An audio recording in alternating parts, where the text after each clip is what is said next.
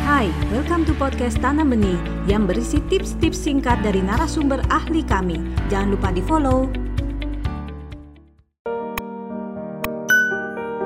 Pentingnya berbagi buat anak, artinya dia belajar bahwa uh, kehidupan itu tidak sendirian. Dia ada orang, dia punya teman, dia bersama-sama dengan orang lain dalam kehidupan. Sehingga dia tidak bisa hanya fokus pada kepentingannya sendiri. Ada waktunya dia menolong orang lain ada waktunya orang akan menolong dia. Jadi ada hubungan timbal balik dan dengan berbagi ini adalah salah satu cara untuk menjalankan kehidupan yang timbal balik itu. Menjalankan kehidupan bermasyarakat, kehidupan yang berhubungan dengan orang lain, bukan cuma dengan dirinya sendiri. Jadi memang untuk mengajarkan tentang kehidupan yang lebih luas di kemudian hari. Kalau cuma di rumah, dia cuma lihat adik, kakak, atau orang tua, atau mungkin entah siapa di dalam rumah. Terbatas. Tapi makin dia bertemu dengan orang lain, dia akan lihat bahwa dunia ini lebar, dunia ini begitu luas.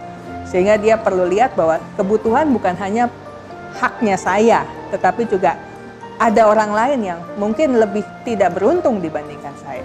Jadi memang perlu waktu dan ada reward, ada ada penghargaan dari orang lain. Ih kamu anak baik ya, mau berbagi dan sebagainya. Jadi dalam hal ini tentu saja uh, urusan berbagi ini perlu proses belajar yang panjang sebenarnya.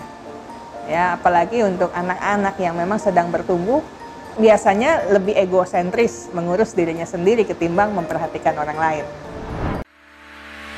Anda baru saja mendengarkan tips dari Tanam Benih Foundation.